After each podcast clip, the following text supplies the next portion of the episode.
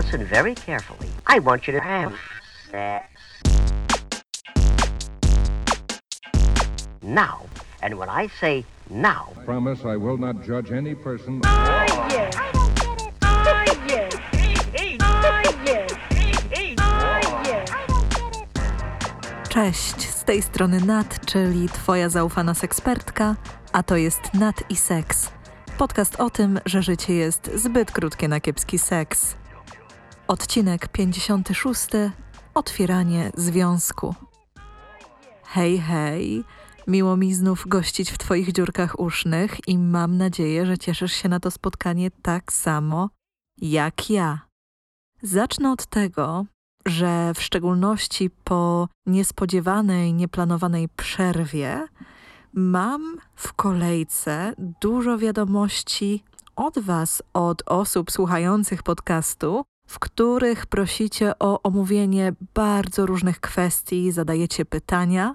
Za wszystkie wiadomości jestem niebywale wdzięczna, bo świadczą one o ogromnym zaufaniu, którym mnie obdarzacie. I aby nie zostawić nikogo na lodzie, w szczególności, że pewnie niektóre osoby czekają z niecierpliwością na swoją kolej, postanowiłam, że kolejny odcinek będą stanowiły Wasze pytania i moje odpowiedzi, bo jak już wspomniałam, nie chcę trzymać dłużej w zawieszeniu nikogo, kto być może już długo czeka na swoją odpowiedź.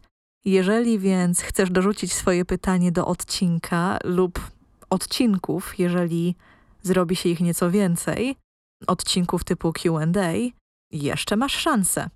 Możesz wysłać wiadomość na adres sexcast.proseksualna.pl lub dołączyć wiadomość prywatną do wsparcia w jednym z serwisów, w których możesz postawić mi wirtualną kawę. Na chwilę obecną korzystam z dwóch serwisów do mikrodonacji, do jednorazowego wsparcia finansowego, z Coffee i Buy Coffee i linki do nich zostawię w opisie. Chciałabym też, i tutaj takie małe ogłoszenie, zachęcić Cię do skorzystania z opracowanej przeze mnie checklisty Tak nie może. Jest to wspaniałe narzędzie, które ułatwia seksualną komunikację i dzięki niemu możesz dokładnie przyjrzeć się temu, co Cię kręci, co w ogóle nie jest Twoją bajką, a także tym praktykom, co do których nie masz pewności lub pragniesz ich tylko w określonych kontekstach. Ta lista obejmuje różne praktyki seksualne, różne aktywności, różne rodzaje pieszczot i możesz pobrać ją całkowicie za darmo, korzystając z linku, który zostawię w opisie. Dodam też, że za oprawę tych kart pracy i ich funkcjonalność, ponieważ, jak już wspomniałam, są interaktywne, więc możesz korzystać z nich na ekranie laptopa mm, czy tabletu odpowiada Agnieszka Cieszanowska, która wcześniej przygotowywała mój zeszyt ćwiczeń do seksualnego osiedbania. I do tego zeszytu też oczywiście zostawię link. Od momentu publikacji poprzedniego odcinka wprowadziłam jeszcze jedną zmianę. Dlatego, że nie wszystkie osoby są być może usatysfakcjonowane formą odpowiedzi na pytania, postanowiłam wyjść im naprzeciw. I od teraz możesz umówić się ze mną na indywidualne, półgodzinne lub godzinne konsultacje online.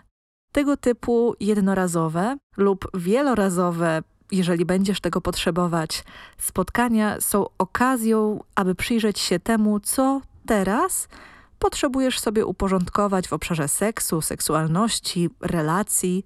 Dostawałam o taką możliwość, o możliwość takiego spotkania sporo pytań, więc wychodzę im naprzeciw i konsultacje możesz zarezerwować przez link, który zostawię w opisie. Dziś będzie dużo rzeczy w opisie. Lub po prostu odezwać się do mnie na adres konsultacje małpa.proseksualna.pl, aby dowiedzieć się więcej. Do tej pory odbyłam kilka takich spotkań i zarówno były to spotkania indywidualne, jak i w większym gronie, czyli na przykład dla par czy poliku, i odczułam, jak użyteczna może być taka krótka interwencja, podczas której nie tylko przyglądam się temu, czego potrzebuje dana osoba, ale też kieruję ją, lub je, bo czasami jest to więcej osób, do konkretnych źródeł, z których mogą skorzystać i które mogą okazać się pomocne w konkretnych sytuacjach. Tyle ogłoszeń wstępnych. Myślę, że to jest właśnie specyfika takich długich przerw, że w tak zwanym międzyczasie dzieje się bardzo dużo, więc też tych aktualności też robi się więcej. Więc teraz pozwól, że już przejdę do tematu odcinka, którym jest otwieranie związków. Do jego nagrania zmobilizowała mnie wiadomość od słuchaczki, więc właściwie cały dzisiejszy odcinek to odpowiedź na pytanie, to już takie moje QA, która zapytała, czy nie poruszyłabym kwestii prób otworzenia związku hetero. I tutaj dopowiada słuchaczka dążenia do obustronnej akceptacji na wyłącznie aktywności seksualne z innymi osobami po obu stronach pary, w sytuacji, w której występuje, jak to określa, dotkliwa dysproporcja potrzeb erotyczno-seksualnych.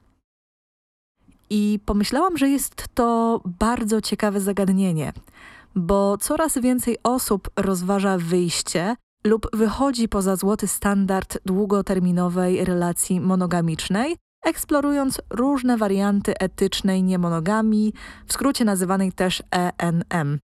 I może ona przybierać różne formy. Błędem jest natomiast zakładanie, że przeciwieństwem relacji monogamicznej jest poliamoria, bo poliamoria to tylko jeden z wariantów etycznej niemonogami, który też zresztą ma swoje różne odcienie.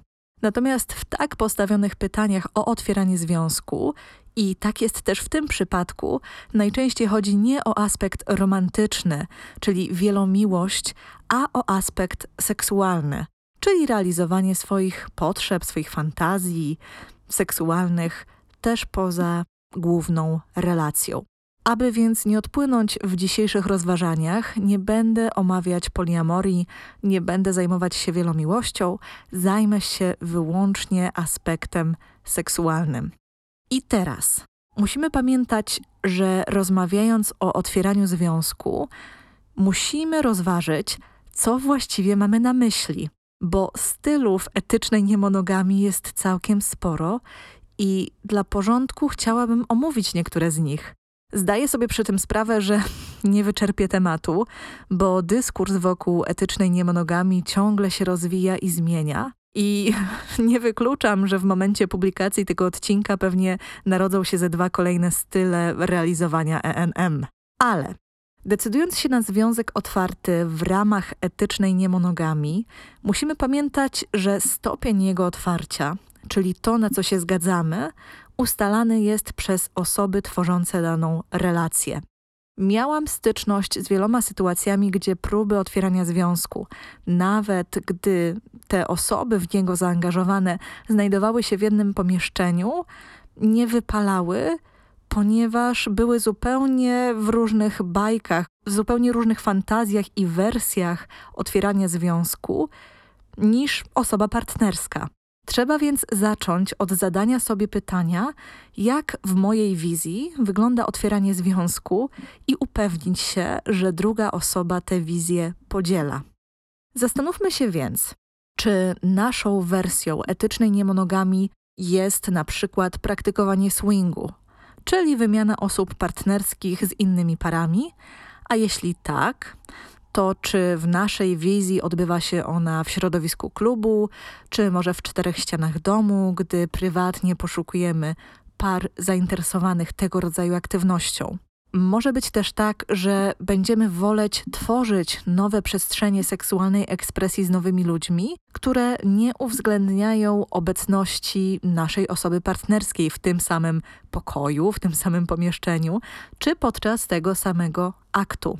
W języku angielskim funkcjonuje też bardzo fajne określenie monogamish, czyli ish, co oznacza w bardzo luźnym przekładzie średnio na jeża monogamiczny.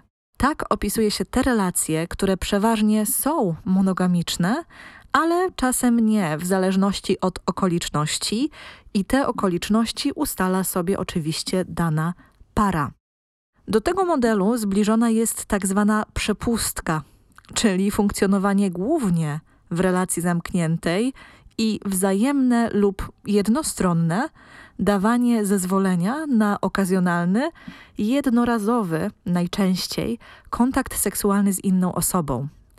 Czyli jest to zgoda na okazjonalny skok w bok, natomiast oczywiście w ramach etycznej niemonogami. Musimy pamiętać, że niektóre pary decydują się na funkcjonowanie w modelu otwartego związku, opartego na zasadzie nie pytaj, nie mów. Czyli dopuszczają możliwość tworzenia relacji seksualnych poza związkiem, pod warunkiem, że nie są one omawiane i w miarę możliwości realizowane tak, aby druga osoba nie widziała ani nie słyszała, nie natykała się na dowody na istnienie tych relacji poza związkiem. Tutaj myślę, warto wspomnieć też o nieetycznej niemonogami, czyli prowadzenia z wyboru jakiegoś życia seksualnego i lub czasami też romantycznego, bez poszanowania granic, uczuć drugiej osoby, osoby partnerskiej. I krótko mówiąc, wówczas mamy do czynienia po prostu ze zdradą. I te style, które wymieniłam, jak widać, mogą opierać się na bardzo różnych zasadach, dlatego tak ważna jest komunikacja, przyjrzenie się przede wszystkim sobie w tym kontekście, ale też przyglądanie się w tym kontekście naszej relacji. Bo wracając do pytania postawionego przez słuchaczkę, chciałabym podkreślić, że jakikolwiek wariant etycznej niemonogami trzeba eksplorować z perspektywy obfitości, a nie deficytu. Co mam na myśli? Bo tutaj dostrzegłam już pewną pułapkę. Przede wszystkim to, że gdy pomysł otwarcia relacji pojawia się nie dlatego, że świat seksu i doświadczeń ma nam tyle do zaoferowania, że chcemy z niego czerpać pełnymi garściami i radość sprawiałoby nam, gdyby druga osoba też miała taką możliwość, ale gdy otwieramy relacje dlatego, że taplamy się w poczuciu, że osoba partnerska ogranicza naszą seksualną ekspresję i będąc z nią czujemy niespełnienie, to wówczas podchodzimy do niemonogami z perspektywy braków, które w naszym przekonaniu otwarcie relacji ma zaspokoić, ma wypełnić. Oczywiście to może też przybierać formę powiedzmy samobiczowania, czyli wiemy, że na dłuższą metę nie będziemy wystarczać seksualnie drugiej osobie, więc lepiej już teraz zdecydujmy się na otwarcie związku, by zapobiec jakimś przewidywanym trudnościom, które mogą pojawić się w przyszłości.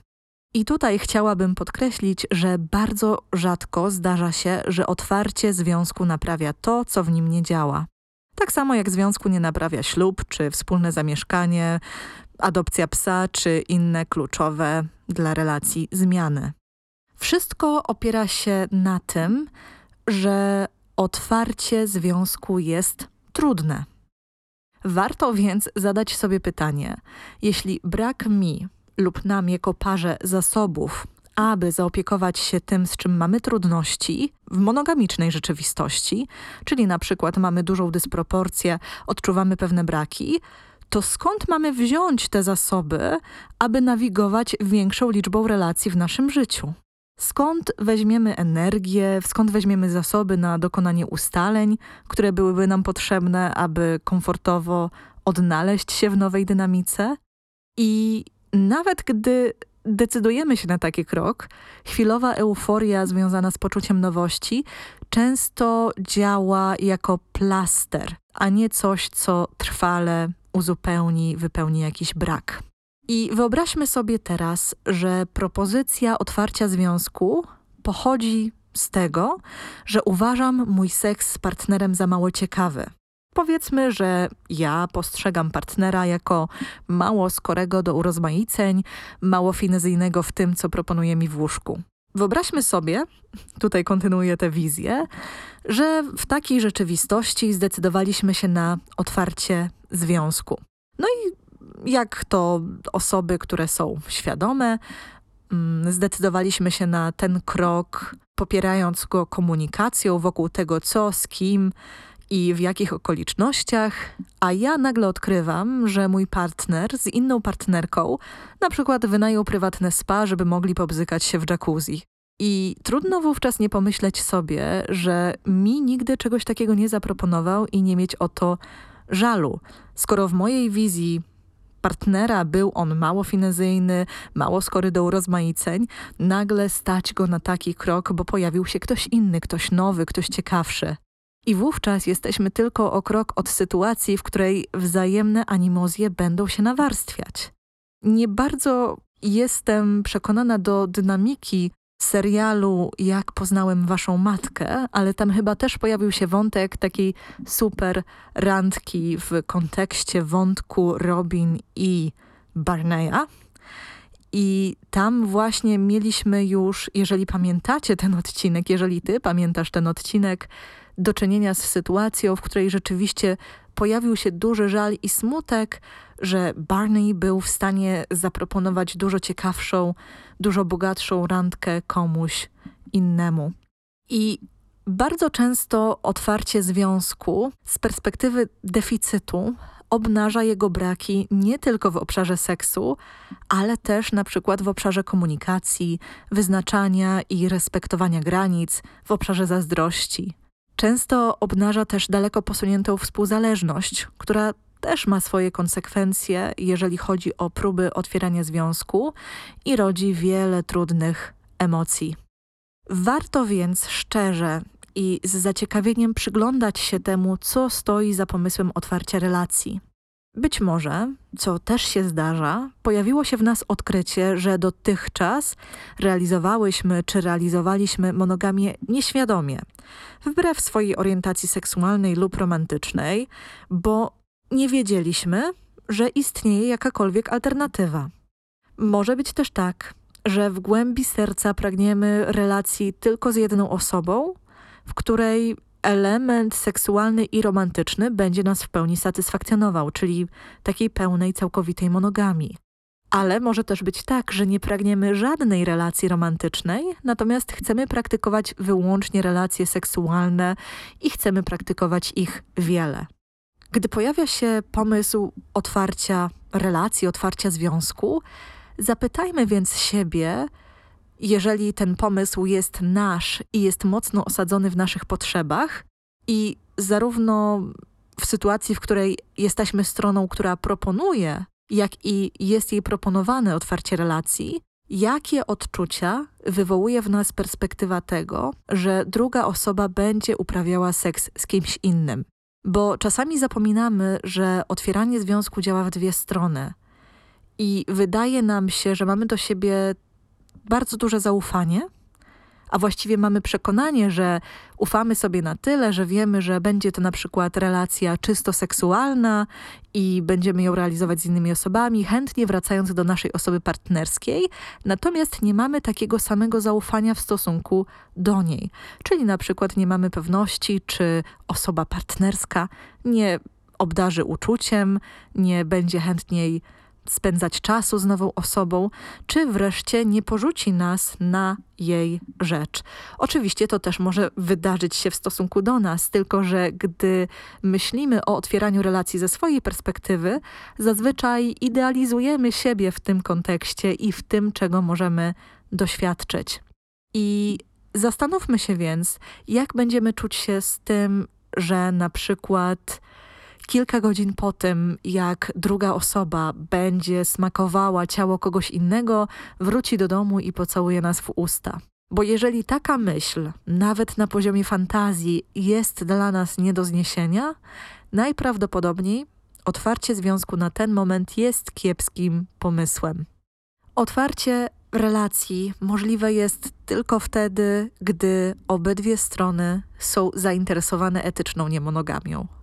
Jeżeli chodzi o nakłanianie czy namawianie do tego kroku, bo takie pytania też często pojawiają się w moim wirtualnym gabinecie, czyli jak przekonać, jak namówić drugą osobę do tego, żeby zechciała otworzyć związek, to robienie tego, gdy ktoś jest nieprzekonany, to myślę, że najlepiej tę sytuację opisuje parafraza powiedzenia, że można przyprowadzić konia do wodopoju, można nawet zmusić go do picia, ale nie można zmusić konia, żeby polubił wodę. Czyli nawet jeżeli druga osoba, czy to pod wpływem długiego namawiania, czy dlatego, że ma trudności z rozpoznawaniem swoich potrzeb lub stawianiem granic, zgodzi się na otwarcie relacji, nie będziemy w stanie zmusić jej, aby jej się to podobało, czyli otwarcie związku, ta pozorna wolność relacji seksualnych poza główną relacją, jeżeli totalnie nie jest to jej bajka. Bo prawda jest taka, że otwarcie związku diametralnie go zmienia. Zmienia dynamikę między osobami, które tworzą relacje. Wymaga naprawdę solidnych umiejętności komunikowania się i sporej asertywności. Bo gdy nie jesteśmy w stanie ustalić i omówić ważnych aspektów otwierania związku, które sprawią, że będziemy się w tym układzie czuć bezpiecznie, mamy co najwyżej związek uchylony.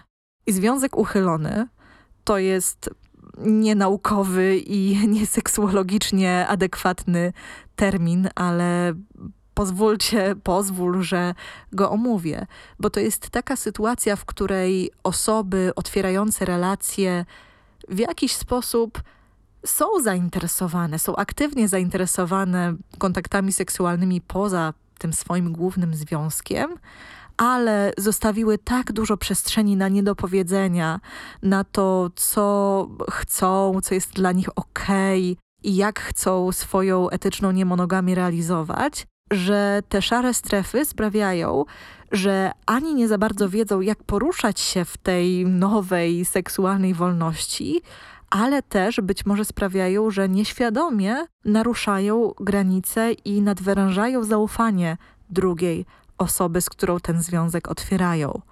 Więc związek uchylony jest czymś, czego chcemy uniknąć. Bo ustalenia, które pomagają poczuć się komfortowo w otwartym związku, mogą dotyczyć naprawdę różnych aspektów. I chciałabym podkreślić, że wiele osób wpada tutaj w pułapkę stawiania warunków. I celem tych warunków jest maksymalne kontrolowanie czyjejś ekspresji seksualnej. Czyli na przykład ustalanie w jakich okolicznościach, jaka ma być choreografia seksu, jak ma się on odbywać. I od razu mówię, że nie tędy droga. Bo gdy wskazówki zamieniają się w nie możesz z tą osobą uprawiać seksu oralnego, nie wolno ci robić tego i tamtego, to trudno o pewną dozę spontaniczności. A spontaniczność przydaje się w kontaktach seksualnych. I nie oznacza to bynajmniej, że nie ma miejsca na rzeczy nienegocjowalne, takie jak bezpieczniejszy seks, monitorowanie wolności od infekcji, czy dokonywanie wszelkich starań, aby, jeśli jest to możliwe, nie doszło do zapłodnienia, które skończyłoby się niechcianą, nieplanowaną ciążą. I dużo będzie zależeć od tego, na co mamy gotowość lub możliwość sobie pozwolić. Jeżeli jako para chcemy prezentować się i funkcjonować w naszej społeczności, na przykład w gronie znajomych czy w rodzinie, jako związek monogamiczny, nieokazywanie erotycznego zainteresowania kimś, kto nie jest osobą partnerską w miejscach, gdzie mogą być znajomi, może być częścią takich ustaleń, bo odpowiada na jakąś naszą bardzo określoną potrzebę, na coś, co sprawia, że czujemy się bezpiecznie. Nierozsądnym jest natomiast oczekiwać, że gdy otworzymy związek, nie pojawią się jakiekolwiek odczucia, przyjemne, pozytywne emocje względem osób spoza relacji. Nierozsądne jest też stawianie wymagań, aby ta osoba spoza relacji nie była atrakcyjniejsza, młodsza, bogatsza od nas, bo tego typu wymagania sygnalizują raczej to, jakie nieprzyjemne, nieużyteczne przekonania na własny temat są w nas żywe. Więc to też jest coś, czemu myślę, warto się w tej sytuacji przyjrzeć. I wszelkie ustalenia, czyli wszelkie, mm, no właśnie takie wyznaczniki tego, co ma sprawić, że będziemy czuć się bezpiecznie otwierając związek, powinny być właśnie tym wskazówkami, natomiast niekoniecznie ograniczeniami czy takimi bardzo, bardzo twardymi zasadami, bo z jednej strony trudno będzie nam dopilnować, żeby na przykład seks oralny nigdy nie wydarzył się między naszą osobą partnerską a osobą spoza relacji. Musimy tutaj też mieć duże zaufanie, że rzeczywiście to się, to nie będzie miało miejsca, bo też nie chcemy realistycznie, aby jakiekolwiek kontakty po randce, nazwijmy to tak randką, były opatrzone sprawozdaniem i przepytywaniem, co tam się wydarzyło i czy dalej czujemy się z tym ok. Co oczywiście nie oznacza, że musimy mieć naprawdę solidne umiejętności, solidne skille w obszarze komunikacji. I pamiętajmy, bo myślę, że dużo osób o tym zapomina, więc warto to podkreślić, że otwieranie związku musi również wiązać się z uważnością względem osoby, nazwijmy ją z zewnątrz. Bo ta osoba, z którą będziemy realizować swoje pragnienia seksualne poza związkiem, też ma swoje uczucia, też ma swoje preferencje dotyczące seksu, też ma swoje preferencje dotyczące kontaktu poza spotkaniami, no i oczywiście swoje potrzeby, którymi też trzeba będzie się zająć. I często u osób, u których pojawia się chęć otwarcia związku, widzę, przynajmniej w wizjach, w fantazjach na temat otwartej relacji, traktowanie przedmiotowe takiej osoby ze zewnątrz. Oczekiwanie, że zapewni im fantastyczny seks, ale emocjonalnie czy fizycznie nie będzie od nas niczego chciała, niczego wymagała. A to tak nie działa, bo jest to bardzo mało osiągalne. Otwierając związek, musimy mieć absolutną gotowość, aby mieć oczy otwarte na oczekiwania i potrzeby więcej niż jednej osoby jednocześnie. I żeby nie być już taką czarnowicką i nie zniechęcać do otwierania związku, bo myślę, że taki ton przybrał ten podcast, a nie taka była moja intencja, chciałabym podkreślić, że zdarzają się też sytuacje, w których otwarcie związku pozytywnie wpływa na relację, w której coś nie działało. Tylko zazwyczaj wiąże się to z tym, że nie działało ze względu na uwikłanie w monogamiczny układ, który nie służył żadnej ze stron, bo był realizowany według seksualnego skryptu, czyli przymusowej monogami, przymusowej wizji realizowania relacji w ten właśnie sposób. Czyli wtedy, gdy mamy dwie osoby, które zawsze uwierała monogamia, a nie do końca wiedziały dlaczego, i to konflikt między wyborem monogamicznego związku a tłumionymi potrzebami skutkował problemami w relacji, otwarcie związku rzeczywiście może być użyteczne. Natomiast, aby to rozpoznać i wspólnie dojść do wniosku, że chcemy mieć otwarty związek, musimy połknąć tę żabę i zacząć ze sobą, czyli z osobą partnerską, na ten temat rozmawiać. Bo otwarte związki zawsze muszą być współtworzone i poparte świadomym wyborem. I czasami jest też tak, że związki otwierane są właśnie dlatego, że osoby je tworzące nie miały świadomości, że istnieją struktury alternatywne do tego, co realizują, ale też do tego, co widziały dookoła siebie. Więc czasami to odkrycie, że niektóre osoby funkcjonują w relacjach w ramach etycznej niemonogami, są możliwe, stanowią bardzo ważną inspirację i są takim momentem, w których nad ich głowami rozbłyska żarówka, która pokazuje im pewną prawdę o nich samych i też pozwala sobie uświadomić, co jest elementem albo co może być ważnym elementem ich ekspresji seksualnej. I na tym zakończę ten odcinek, mm, podkreślając, że jeżeli otwieranie związku jest czymś, co teraz cię zajmuje i potrzebujesz wskazówek, jak to zrobić, albo jeszcze lepiej, wraz z osobą partnerską potrzebujecie wskazówek, jak to zrobić, aby nie narazić się na sparzenie czy na jakieś negatywne, nieprzyjemne doświadczenia, jestem gotowa towarzyszyć Wam w tym procesie podczas konsultacji.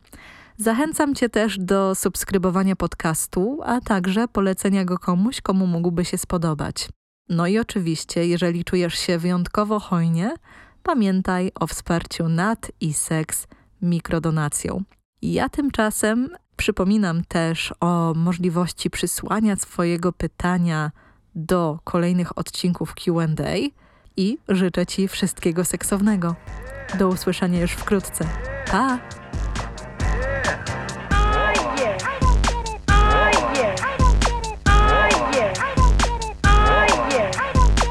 So it's very important and very fun also to. Now